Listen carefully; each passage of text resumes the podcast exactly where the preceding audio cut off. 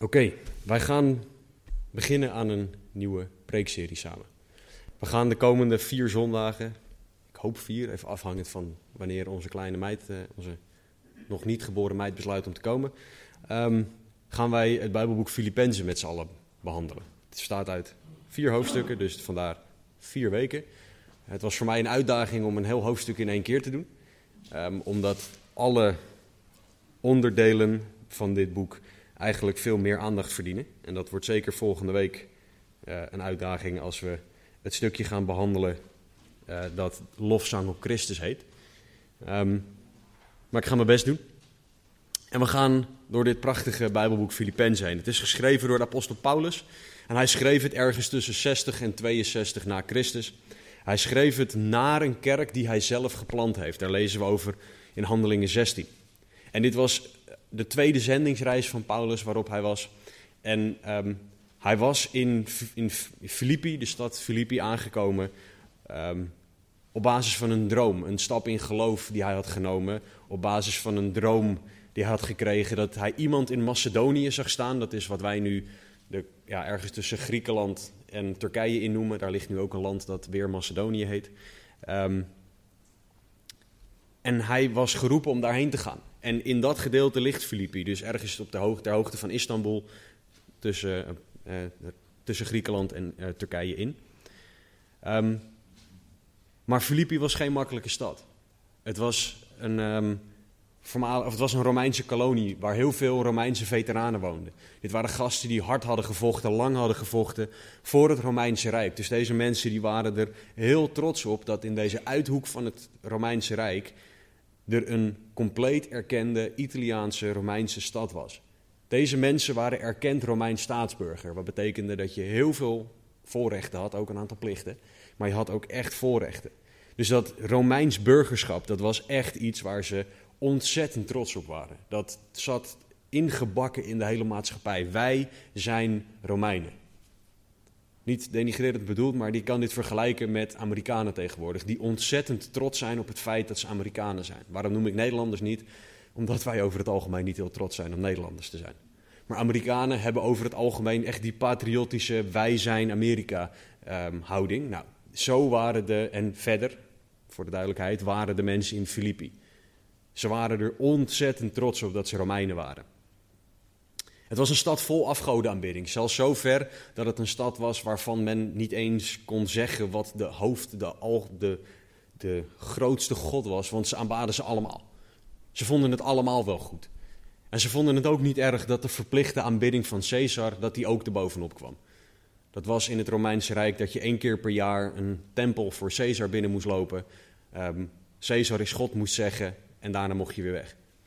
En dat kwam op in die stad. Mensen vonden dat helemaal geweldig. Het is toch onderdeel van het Romeinse Rijk, dus wat maakt het uit? Het was een stad waar geen synagoge was. Daarom zien we in Handelingen 16 dat Paulus Joodse vrouwen ontmoet bij de rivier. Er waren ook niet genoeg Joodse mannen om een synagoge te kunnen ondersteunen. Dus er waren, ja, er waren Joodse vrouwen die samenkwamen. Paulus ging daar naartoe, deelde het geloof. En Lydia, een zeer rijke vrouw, want ze was purperverkoopster, die kwam tot geloof. Paulus ging die stad in, hij dreef een demon uit samen met Timotheus.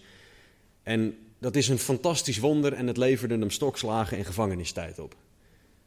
Heel bijzonder, heel bizar dat zoiets moois, iemand bevrijden van een demon, zoiets oplevert. En toch, wij denken dan aan gevangenis, aan de Nederlandse gevangenis. Ik heb wat dingen opgezocht over die gevangenis in Filippi. Dan moet je je voorstellen dat ze neergezet werden in een spagaat, heet dat geloof ik, dat je benen compleet plat op de grond liggen. En dan trokken ze nog even en dan werden de ketenen vastgemaakt. Dus je zat ontzettend niet gemakkelijk. Het deed pijn om zo te zitten. En in die omstandigheid doet Paulus het volgende. Hij tikt Timotheus aan en zegt, ken je nog een goed liedje? Ken je nog een goed aanbiddingslied? Dus ze beginnen samen te zingen. Ik weet niet welk lied het was. Maar blijkbaar zongen ze zo goed dat God het ritme interessant vond. En die ging meetikken met zijn voet. En toen opeens vielen de ketenen van die gasten af. Er was een aardbeving en ze waren vrij. En door die omstandigheden heen kwam er een bewaker tot geloof. Een bewaker die eigenlijk zelfmoord had moeten plegen. Als de gevangenen ontsnapt waren. Maar de gevangenen bleven zitten, ondanks dit wonder. En er kwamen mensen tot geloof. Dit was het begin van de kerk in Filippi. God doet wonderen. En dat is waar Paulus ook op terugblikt. Dat is waar Paulus dankbaar voor is. Paulus die, die gaat duidelijk maken, ik zie God prachtige dingen doen. Ik heb God prachtige dingen zien doen in jullie stad, in jullie als kerk. Want hij stichtte ook een kerk. Want als je kijkt naar wie de mensen waren die in die, die in die kerk zaten, of die daar tot geloof waren gekomen, dan was het echt nodig dat er een kerk kwam. Dit waren niet mensen waarvan je dacht, nou, deze kan ik wel toevertrouwen dat ze het zelf uitvogelen. Nee, Paulus wist, een kerk is nodig voor deze mensen. En wat we zien door de brief aan de Filippenzen heen, is dat Paulus houdt van deze kerk. Hij houdt echt van deze mensen. Hij heeft echt een hart voor ze. Tot meerdere malen toe um, zegt hij dat hij God dankt wanneer hij aan ze denkt. Hij is blij wanneer hij aan ze denkt. Hij bidt voor ze onophoudelijk, continu. En niet van, Heer, laat ze zien wat ze allemaal fout doen. Maar hij bidt dat ze groeien en dat ze zullen bloeien in God. Maar Paulus die stichtte dus die gemeente nadat hij in gevangenschap zat. En Paulus was weer gevangen. Hij zat nu in Rome gevangen, nu niet in verschrikkelijke omstandigheden. Hij had huisarrest en hij zat vastgeketend aan een Romeinse elitesoldaat. De Praetoriaanse garde. De, het, die, dat waren de soldaten die de persoonlijke bewaking waren van de Romeinse keizer. En hij zat 24-7 vastgeketend aan een soldaat. Dat is niet dat je zegt, mag die even los, want ik moet naar de wc. Nee, dan loopt die gast dus gezellig met je mee. Um, hij had dus aan de ene kant weinig vrijheid en aan de andere kant heel veel vrijheid. Want hij mocht mensen ontvangen. Wie hij dan ook maar wilde, mocht komen. Um, hij kon zijn geloof delen, zelfs zover dat hij op een gegeven moment in de brief zegt dat het hele gerechtsgebouw en aan alle overigen bekend is geworden dat ik een gevangene ben om Christus wil. Hij zorgde ervoor dat hij die situatie gebruikte om Gods woord te verkondigen. Hij mocht niet alleen zijn geloof delen, maar hij mocht ook brieven schrijven. Hij Paulus heeft de brief aan de Efeze, de Filippenzen, de Colossensen en Filemon geschreven, terwijl hij gevangen zat in Rome. En wat we in deze brief gaan zien is dat Paulus, ondanks de omstandigheden, want daar gaat hij dingen over zeggen, volledig gericht is op het evangelie. In heel hoofdstuk 1 komt naar voren dat Paulus één ding voor ogen heeft de verspreiding van het goede nieuws, oftewel het evangelie van God. En hij gaat in hoofdstuk 2 laten zien dat dat evangelie eenheid hoort te brengen in de kerk door de gezindheid of de, de, de gedachten te hebben die Christus heeft. In hoofdstuk 3 gaat hij uitleggen hoeveel beter het is om door het evangelie Jezus te kennen dan alles wat ons maar kan overkomen. Paulus zegt er zelfs, ik beschouw het allemaal als afval in vergelijking met Christus kennen. En je moet je voorstellen, Paulus die had, was onderweg om het hoogste te bereiken wat er in de, in de Joodse samenleving bereikt kon worden. En toch zegt hij, ik vind dat niet belangrijk. Want Jezus kennen is veel belangrijker. En in hoofdstuk 4 gaat Paulus ons uitleggen hoe we met dit evangelie in de hand staande kunnen blijven in deze wereld. Wat voor praktische dingen we kunnen doen om staande te blijven in deze wereld. En door deze hele brief heen, je moet het maar eens gaan turven, komt het woord evangelie continu voor. Dat is waar deze brief over gaat. De focus op het evangelie van God. En dat is waar we vanochtend ook naar gaan kijken. Paulus en zijn focus op het evangelie in en door elke situatie heen. Laten we beginnen aan de brief. Ik ga hem niet heel hoofdstuk 1 lezen en daarna er doorheen. We gaan, zullen een aantal, stuk, of een aantal versen lezen en die dan samen gaan behandelen.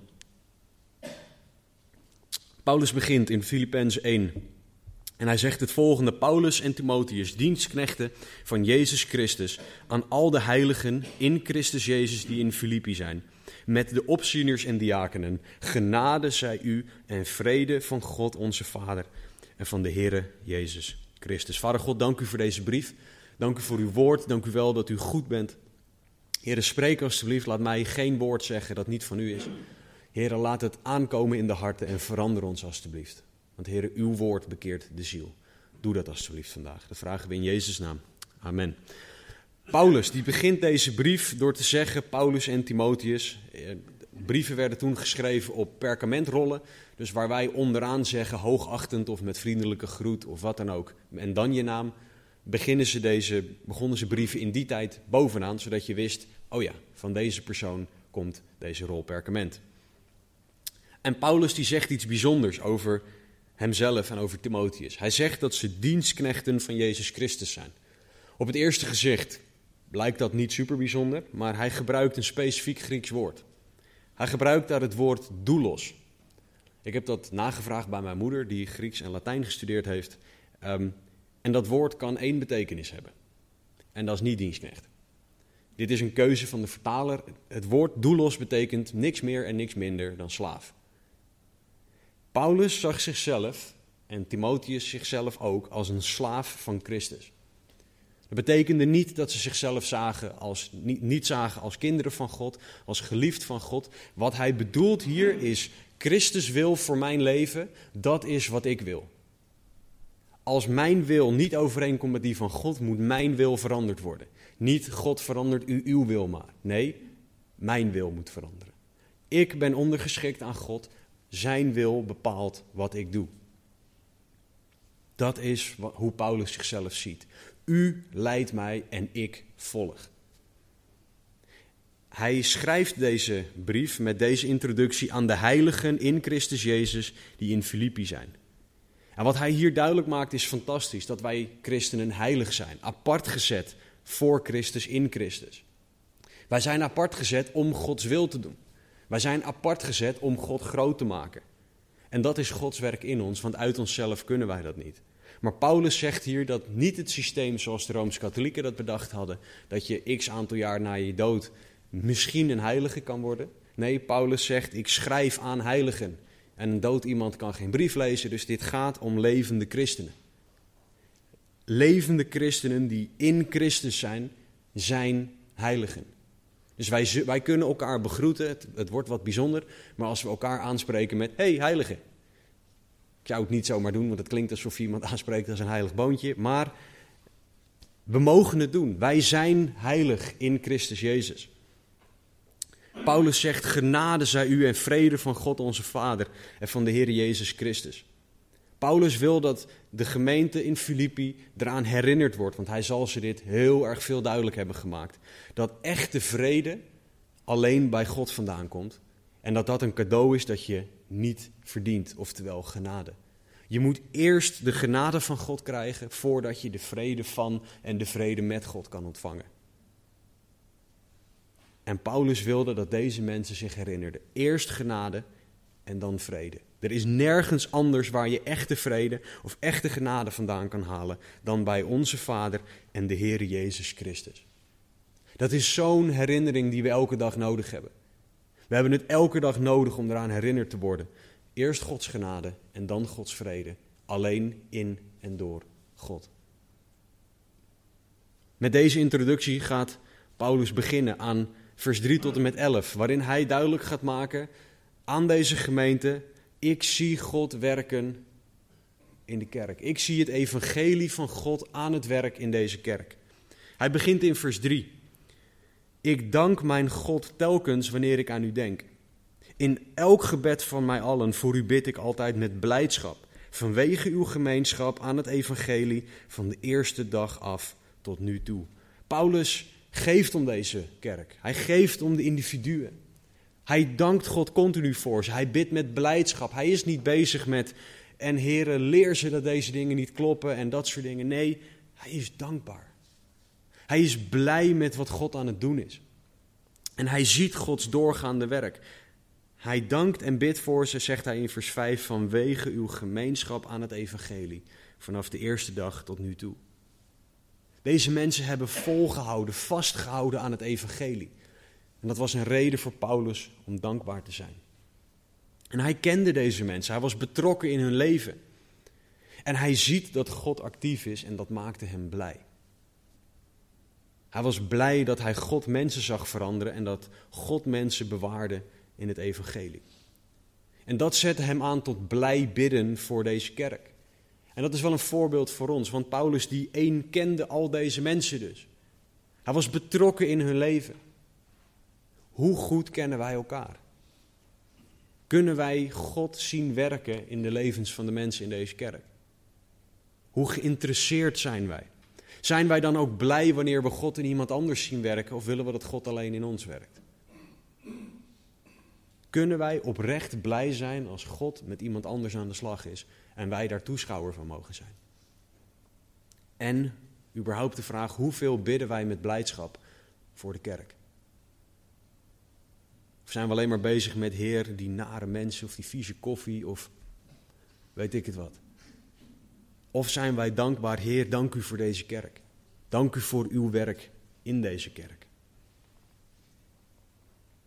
Paulus maakt duidelijk in vers 5 dat God begonnen is met werken in deze kerk.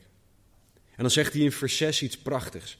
Hij zegt: Ik vertrouw erop dat Hij, God, die in u een goed werk begonnen is, dat voltooien zal tot op de dag van Jezus Christus. Hij zegt: God is er aan het begin, God is er aan het einde en in het midden is God er ook. Dus het is Gods werk dat Hij jullie gaat veranderen. Het is jullie taak om beschikbaar te zijn. En dat geeft mij heel veel rust. Dat ik mezelf niet hoef te veranderen, dat ik mezelf niet hoef te leiden, mezelf niet hoef te dragen. Nee, want het is God die begint, het is God die draagt, God die leidt, God die geeft, God die wegneemt, God die het zal voleinden. Mijn taak is, geef ik het over aan God en blijf ik het overgeven aan God.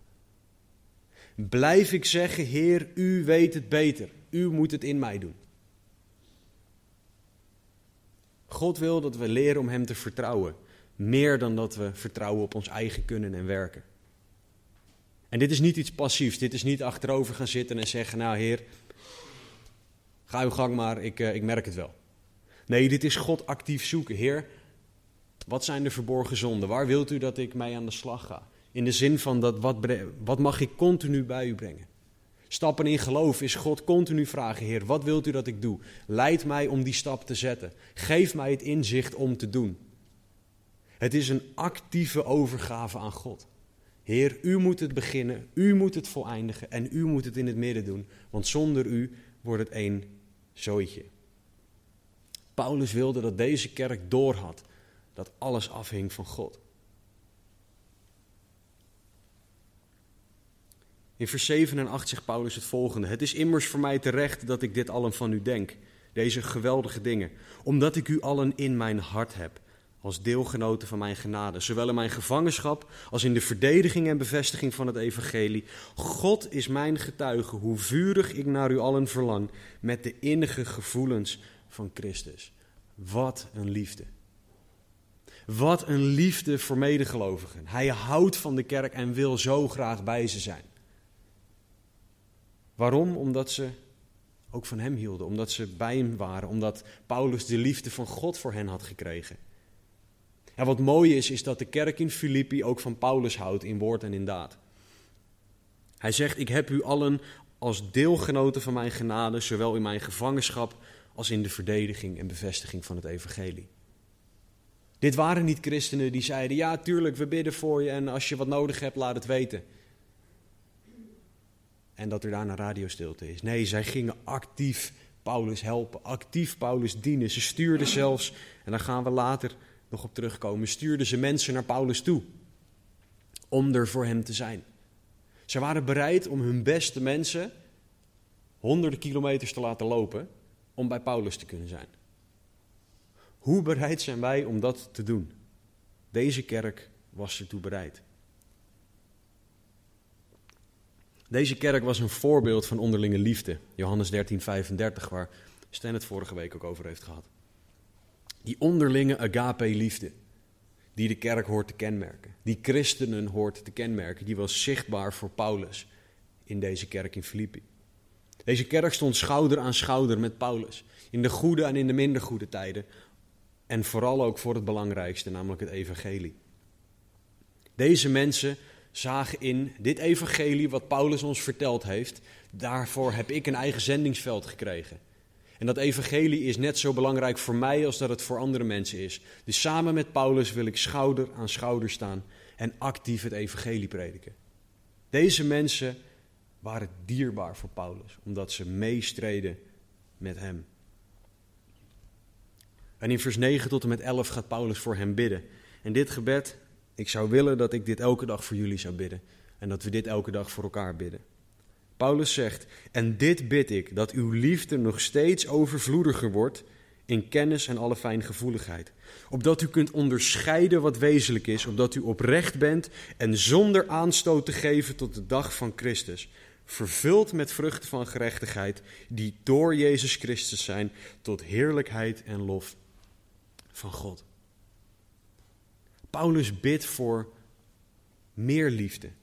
Hij bidt dat er een verlangen naar geestelijke groei in hen zal zijn. En hij verlangt dat ook voor hen. Paulus wil dat deze kerk groeit in de liefde waarvan hij zegt, die, ik, die zie ik al in jullie. Hij wil dat deze kerk groeit in liefde, maar dat hun liefde groeit in kennis en fijngevoeligheid. Dit is een specifiek gebed, want Paulus vraagt hier niet dat ze groeien in blinde liefde. Blinde liefde vinden we in 1 Korinthe, waar, waar de kerk zo trots is dat ze tolerant zijn richting iemand die slaapt met zijn stiefmoeder. Wat een hele bijzondere, bizarre situatie was. En die gemeente was er trots op. Kijk ons eens dit geweldig tolereren en hier liefde voor betonen. Dat was blinde liefde. Want Paulus bidt dat ze hier dat ze groeien in kennis en fijngevoeligheid als onderdeel van hun liefde. Deze kennis is het Griekse woord epignosis, wat kennis door ervaring uit eerste hand betekent. Deze liefde moesten ze ervaren. En deze liefde zou ze laten zien wat ook de grenzen zijn die binnen die liefde door God aangegeven worden als wat goed is. En daarmee wil Paulus ook dat ze fijngevoelig zijn. Het Griekse woord aesthetisch, of aesthesis, wat waarnemen wat wel en niet naar Gods wil is, betekent. Want God houdt onvoorwaardelijk van iedereen, maar tegelijkertijd zegt hij: Dit is wat wel en niet goed voor je is. Dat is die kennis en fijngevoeligheid waarin de kerk moest groeien. Want die liefde van God is niet: Doe alles maar, want ik hou zoveel van je. Nee, deze liefde is: Ik hou van je en daarom zeg ik je wat wel en niet goed voor je is. Dit is echte liefde, echte agape-liefde. Niet blind, maar liefde die blij kon zijn met de dingen van God die van de ander houdt, ook als iemand dingen doet die niet van God zijn. Maar die iemand wel duidelijk maakt, dit is wat God zegt. Dit is waar God blij van wordt. En dit is waar God niet blij van wordt. In die liefde hoorde deze gemeente te groeien. David Guzik heeft hierover gezegd, de Filippenzen hadden veel liefde. En dat lieten ze aan Paulus zien. Toch twijfelde Paulus niet om te bidden dat hun liefde nog overvloediger zou worden. Het maakt niet uit hoeveel liefde we voor anderen hebben. We kunnen altijd meer hebben. Meer liefde die groeit in kennis en fijngevoeligheid. Dat is wat Paulus voor deze gemeente wil, die al zoveel liefde laat zien. En dat is ook Paulus' gebed voor ons als lezers. Dat is ons gebed, hoort ons gebed voor elkaar te zijn. Dat wij groeien in liefde en in die liefde groeien in kennis en fijngevoeligheid voor God.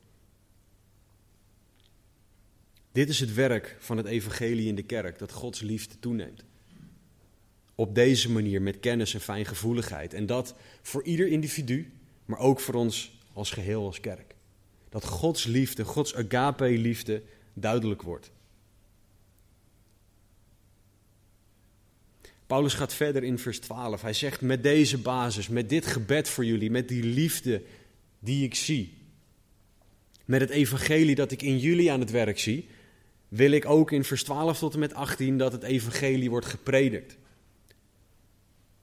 Paulus zegt in vers 12 tot en met 14 het volgende: Ik wil dat u weet, broeders, dat wat er met mij gebeurd is, veel eer tot bevordering van het evangelie heeft gediend zodat in het hele gerechtsgebouw en aan alle overigen bekend is geworden dat ik een gevangene ben om Christus wil. En dat het merendeel van de broeders in de Here door mijn gevangenschap vertrouwen heeft gekregen om het woord nog overvloediger, onbevreesd te durven spreken. Dit is wat belangrijk was voor Paulus. Ja, hij erkent hier, ik zit gevangen.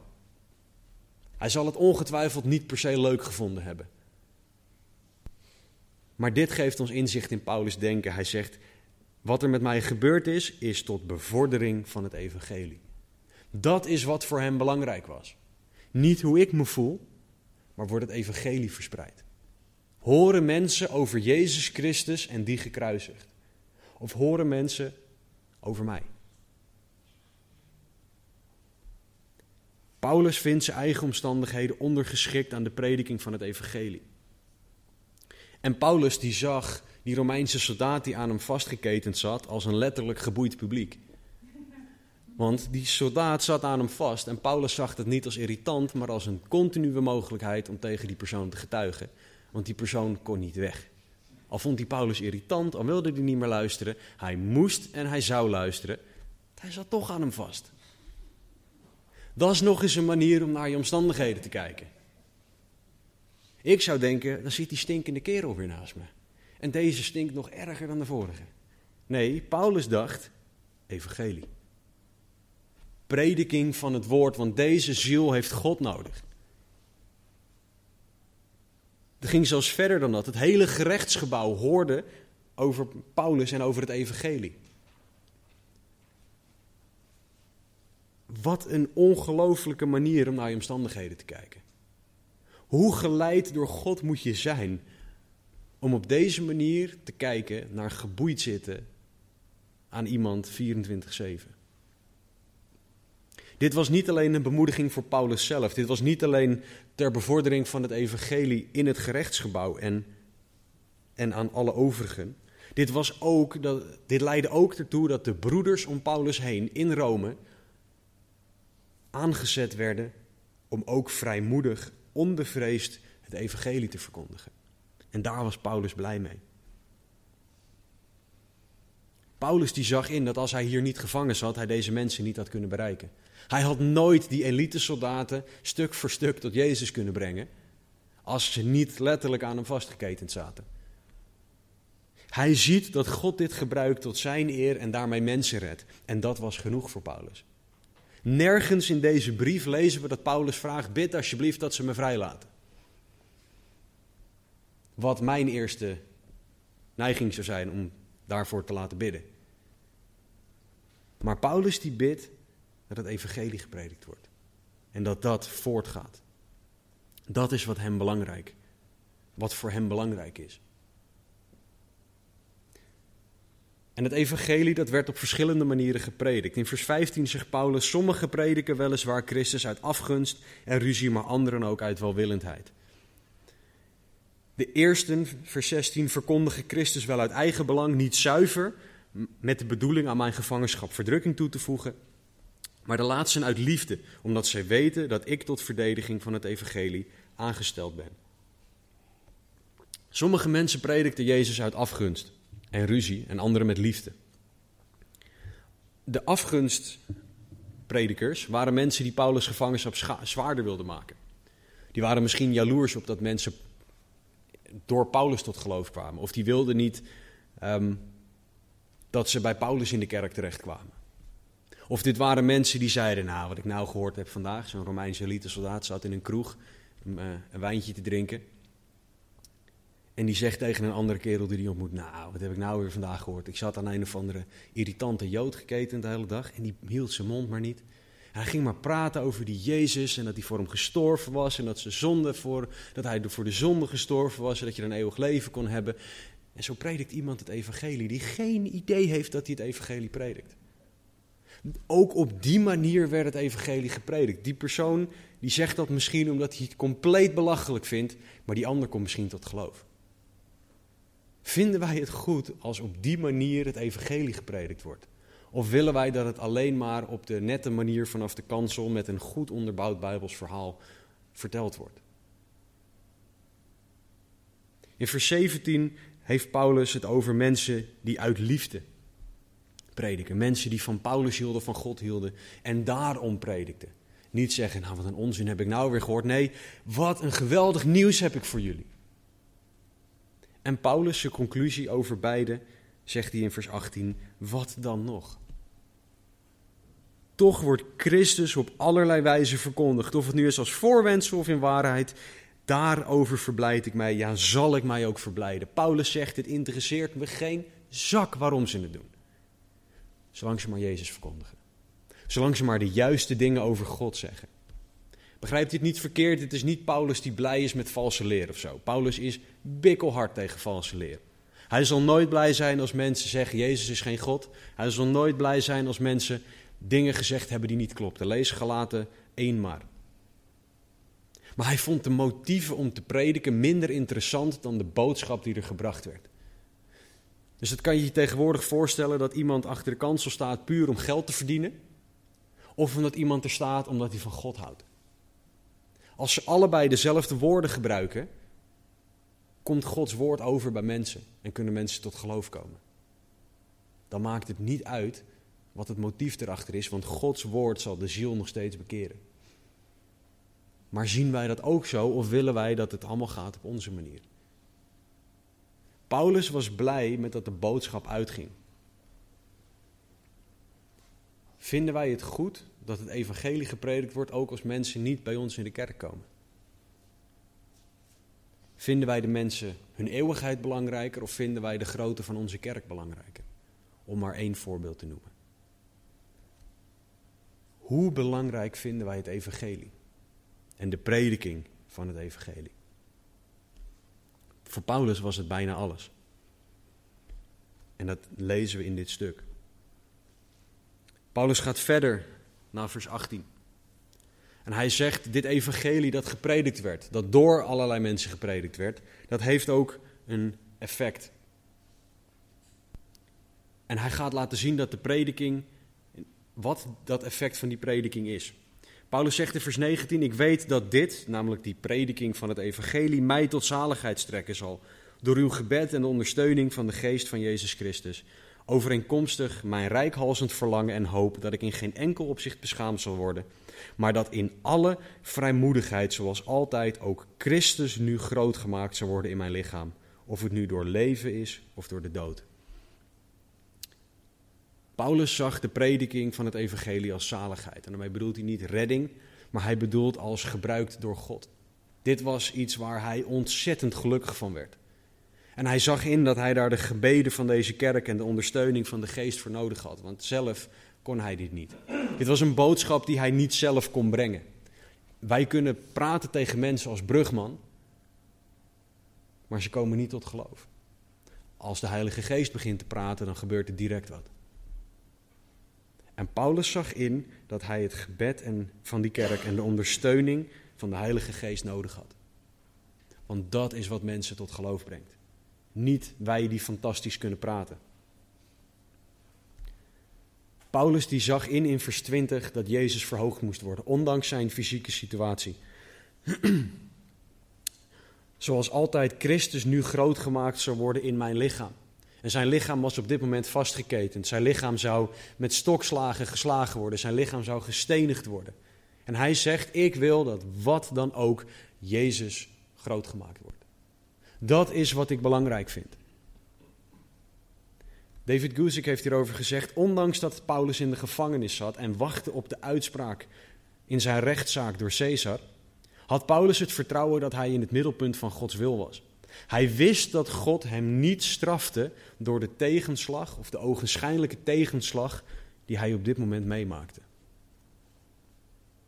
Kunnen wij moeilijke omstandigheden zien als Gods wil en niet als tegenslag waardoor God ons wil straffen? Vastgeketend aan een stinkende Romeinse soldaat kan ik heel goed voorstellen als iets het als tegenslag zien. En toch zag Paulus het als iets, op, hierdoorheen gaat God het evangelie verspreiden. Heer, wat wilt u doen? Ik weet niet hoe lang het duurde voordat Paulus doorhad dat die Romeinse soldaat zijn zendingsveld was. Misschien duurde het een dag, een week, een maand, geen idee. Maar op een gegeven moment ging, deed God het licht aan in zijn hoofd en zag hij: die kerel kan niet weg. Ik heb een goede boodschap. Dat matcht. Vraag jij God wel eens, Heer, hoe wilt u in deze situatie dat uw evangelie verder gaat? Dat uw evangelie verspreid wordt? Want er zijn manieren die wij niet kunnen bedenken, die God wil gebruiken om het evangelie te verspreiden. Op de plek waar jij nu bent, hoe naar het misschien ook voelt, wil God dat het evangelie verspreid wordt. Alleen sta jij ervoor open om gebruikt te worden in die nare situatie. In die geweldige situatie. Op dat werk waar ze je aan het wegpesten zijn. In die moeilijke fysieke omstandigheid. Noem het maar op. Willen wij door God gebruikt worden? Willen wij dat God deze situatie tot zijn eer gebruikt? Of willen we alleen dat God de situatie verandert?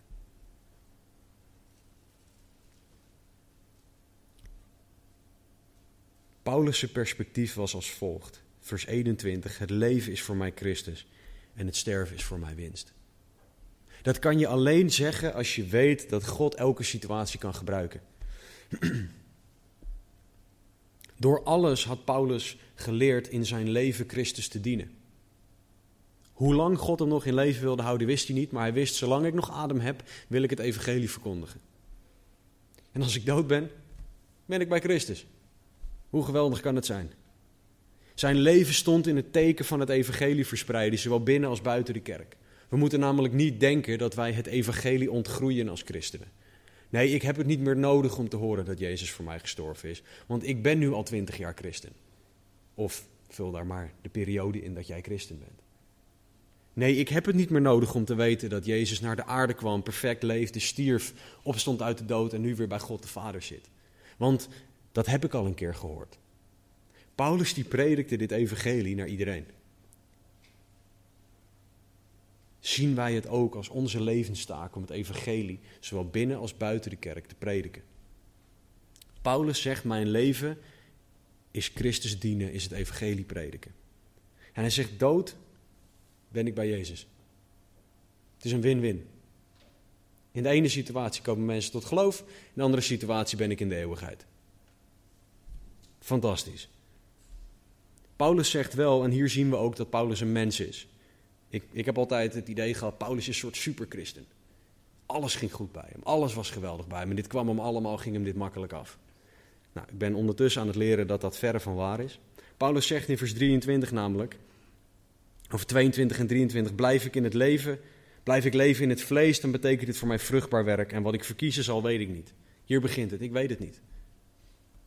Maar hij zegt in vers 23: Ik word door deze twee gedrongen. Ik heb de begeerte om heen te gaan en bij Christus te zijn, want dat is verreweg het beste. Hij zegt: Jongens, alles leuk en aardig hoor, maar die Romeinse soldaat stinkt wel heel erg. En het zou echt wel heel fijn zijn als ik bij God was. Als ik in de eeuwigheid was en niet meer al die moeilijke dingen hoefde te doorgaan. Voor mij persoonlijk, heel privé, zou dat het beste zijn, zegt Paulus. Maar, vers 24, in het vlees te blijven is noodzakelijk voor u. Paulus hart voor de kerk. Ik ben bereid, zegt Paulus, om niet bij Jezus in de eeuwigheid nu te zijn en er voor jullie te zijn als God dat heeft. Ik ben bereid om niet nu al te kunnen genieten van de eeuwigheid, maar om er voor jullie te zijn. Wat een perspectief. Dit is hoe Paulus naar, naar mensen keek. Dit is hoe Paulus naar situaties keek. Alles tot eer van God, tot verspreiding van het evangelie, tot de groei van de gemeente. Dat was zijn focus. Hij had een focus op het evangelie, op anderen dienen, op liefhebben en mensen bij God brengen. Paulus focust zich op de ander. In vers 25 en 26 zegt hij het volgende: Dit vertrouwen weet ik, dat ik zal blijven leven en bij u allen zal blijven tot uw vordering en blijdschap van het evangelie, opdat uw roem in Christus Jezus overvloedig is door mij, door mijn hernieuwde aanwezigheid bij u. Paulus is bezig met hen, met hun vordering, met hun groei en blijdschap van het evangelie. Het woord voor vorderen is het Griekse woord prokope en dat betekent groeien en verder komen. Het woord voor blijdschap is gara, is vreugde die door het geloof komt. Hij wilde dat ze groeiden en dat ze verder kwamen in het geloof, in de blijheid, in de vreugde die het geloof hoort te geven. Daarin mocht deze kerk groeien en daarvoor wilde Paulus blijven leven. Groei van de kerk en de vreugde van een ander. Dit is een voorbeeld voor ons. En het is ook een heel pijnlijk voorbeeld, want als ik erover nadenk hoe op mezelf gericht ik ben, vind ik, kom ik, ja, ik weet niet of ik zomaar zou zeggen, omdat het beter is voor jullie, blijf ik. Dit is echt Gods werk in Paulus. Dit zal hij nooit uit zichzelf zomaar gezegd hebben. Want de mens is van nature erg egoïstisch. In het Engels zeggen ze I is in the center of sin. En het Engelse woord voor zonde is S-I-N. En het ik, I, staat in het midden. En dat is altijd zo. Wij staan centraal als we zondigen. Maar de ander staat centraal als we Jezus dienen. En dat is wat Paulus hier ons laat zien. Paulus wil dat wij diezelfde focus hebben. Maar de vraag is: heb jij die focus? Heb jij de focus op de verspreiding van het evangelie? En als je wil weten waar jouw focus is, kan je dat heel makkelijk bekijken. Waar jij je tijd, geld en energie aan besteedt, laat zien waar jouw focus ligt. Misschien confronterend, maar komt het evangelie, God die zijn zoon zond, Jezus die leefde als een mens, die dood ging voor ons, onze zonde droeg, opstond uit de dood, staat dat bij jou überhaupt in de top 10? Als dingen van dingen die jij belangrijk vindt. Waar jij tijd, geld en energie aan wil besteden. Staat het in de top 5? In de top 3 staat het in de top 1? Of is het iets waarvan je zegt: nee, komt wel een keer. Voor Paulus was er geen komt wel een keer. Voor Paulus was er alleen ik heb nu, ik heb nu het goede nieuws. Deze mensen zijn er nu. Ik kan ze nu het evangelie vertellen. Dat moet ik dan nu doen. Wat is onze focus? Met dit in het achterhoofd zegt Paulus in vers 27 tot en met 30 hoe deze kerk hoort te wandelen. Hoe hoort hun leven er praktisch uit te zien?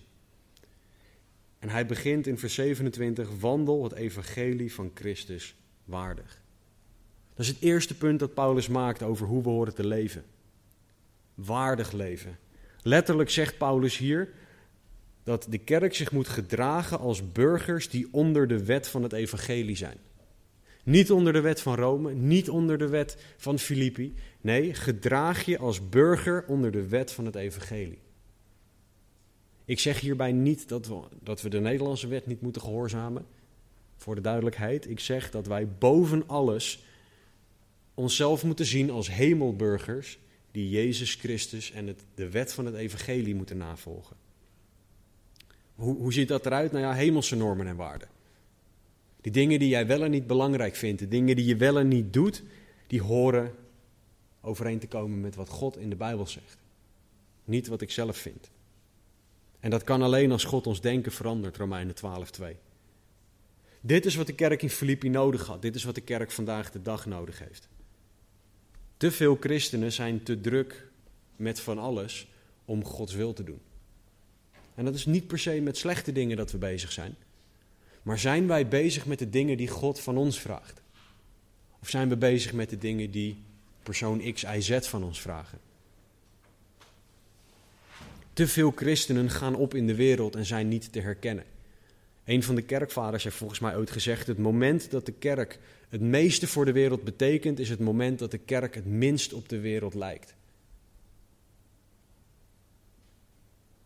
Het moment dat de kerk het meest voor de wereld betekent, is het moment dat de kerk het minst op de wereld lijkt.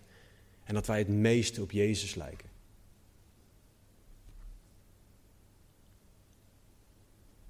Dit is wat de kerk nodig heeft vandaag. Dit is wat de wereld nodig heeft. Dit is wat Paulus denken en doen leiden.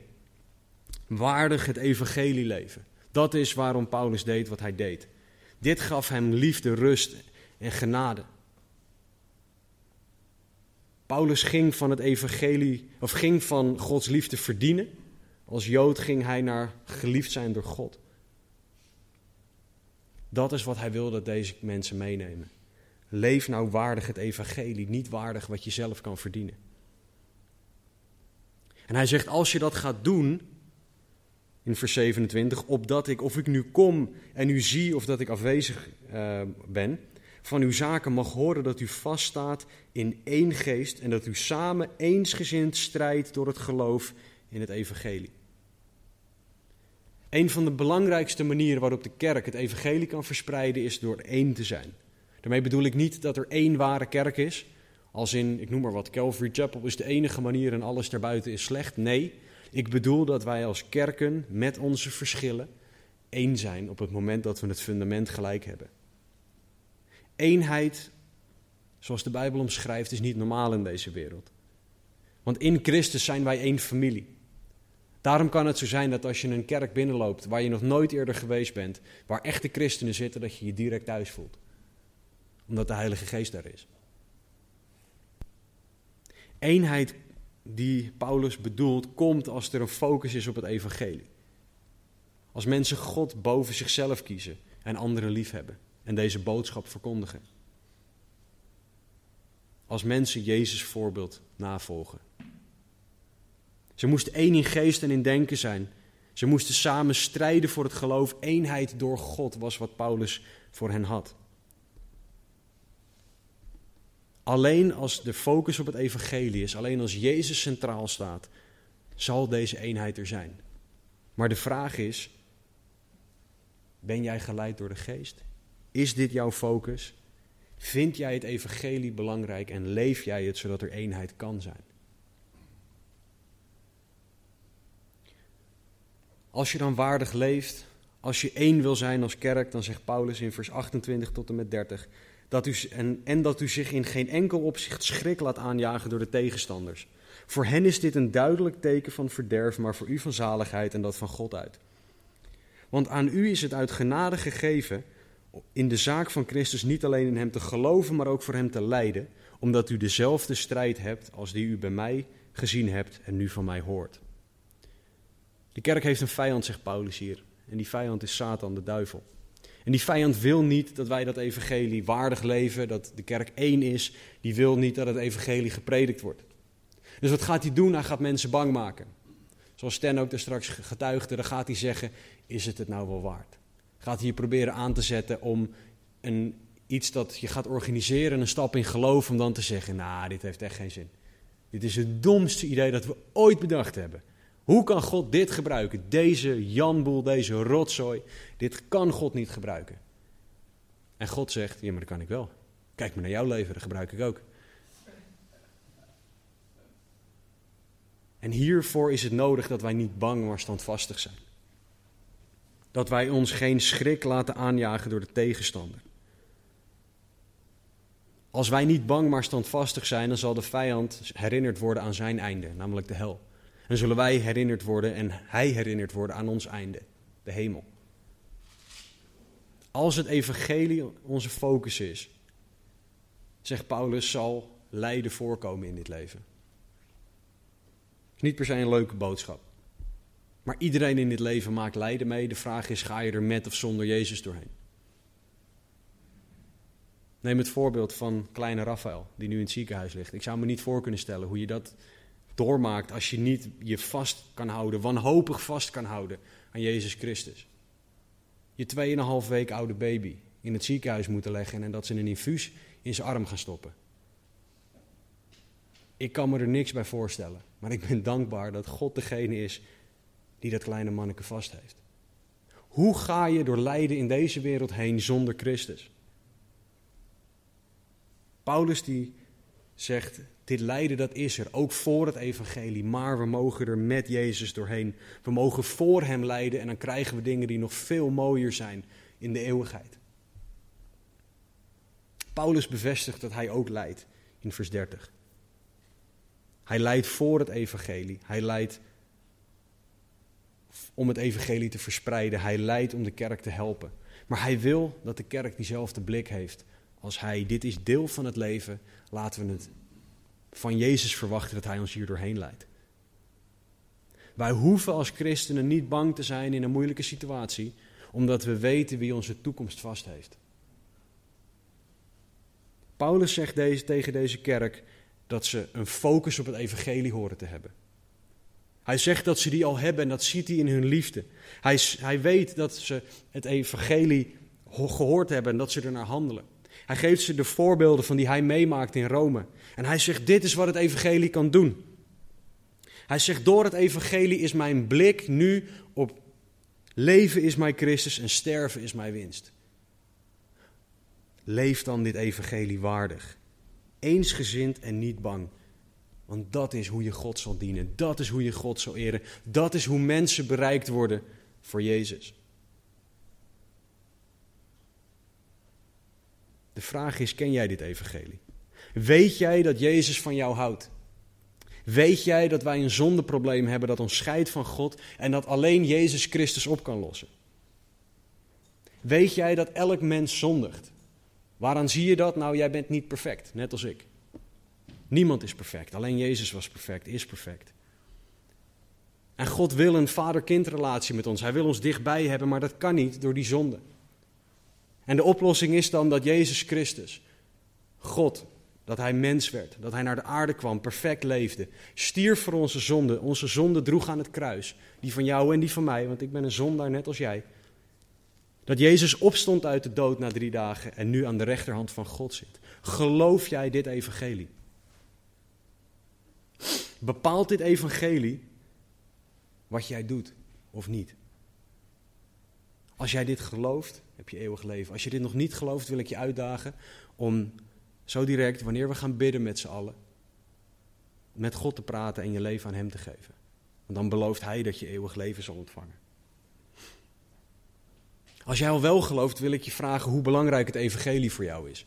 Hoe belangrijk is het dat we deze boodschap hebben gekregen en dat de wereld deze boodschap nodig heeft? Bepaalt deze boodschap wat jij wel en niet doet, waar je woont, met wie je praat, wat je, hoe je je leven inricht? Vraag God om je hart in vuur en vlam te zetten voor het evangelie, want dat is het voorbeeld dat we hier van Paulus zien. Dat is het voorbeeld dat Jezus Christus ons geeft. Deze boodschap redt mensen van de eeuwige dood. Ik kwam een citaat tegen van Spurgeon en André, als jij vast naar voren wil komen. Ik wil jullie vragen om je ogen dicht te doen en te luisteren naar dit citaat. En je af te vragen of jij je kan vinden in dit citaat. Spurgeon heeft het volgende gezegd: Als zondaars verdoemd worden, laat ze dan over onze dode lichamen in de hel springen. Als zondaars verloren gaan, laat ze vergaan met onze armen om hun knieën, ze smekend om te blijven en te geloven. Als de hel gevuld moet worden, laat die dan gevuld worden ondanks onze inspanningen. En laat iedereen gewaarschuwd en voor gebeden zijn.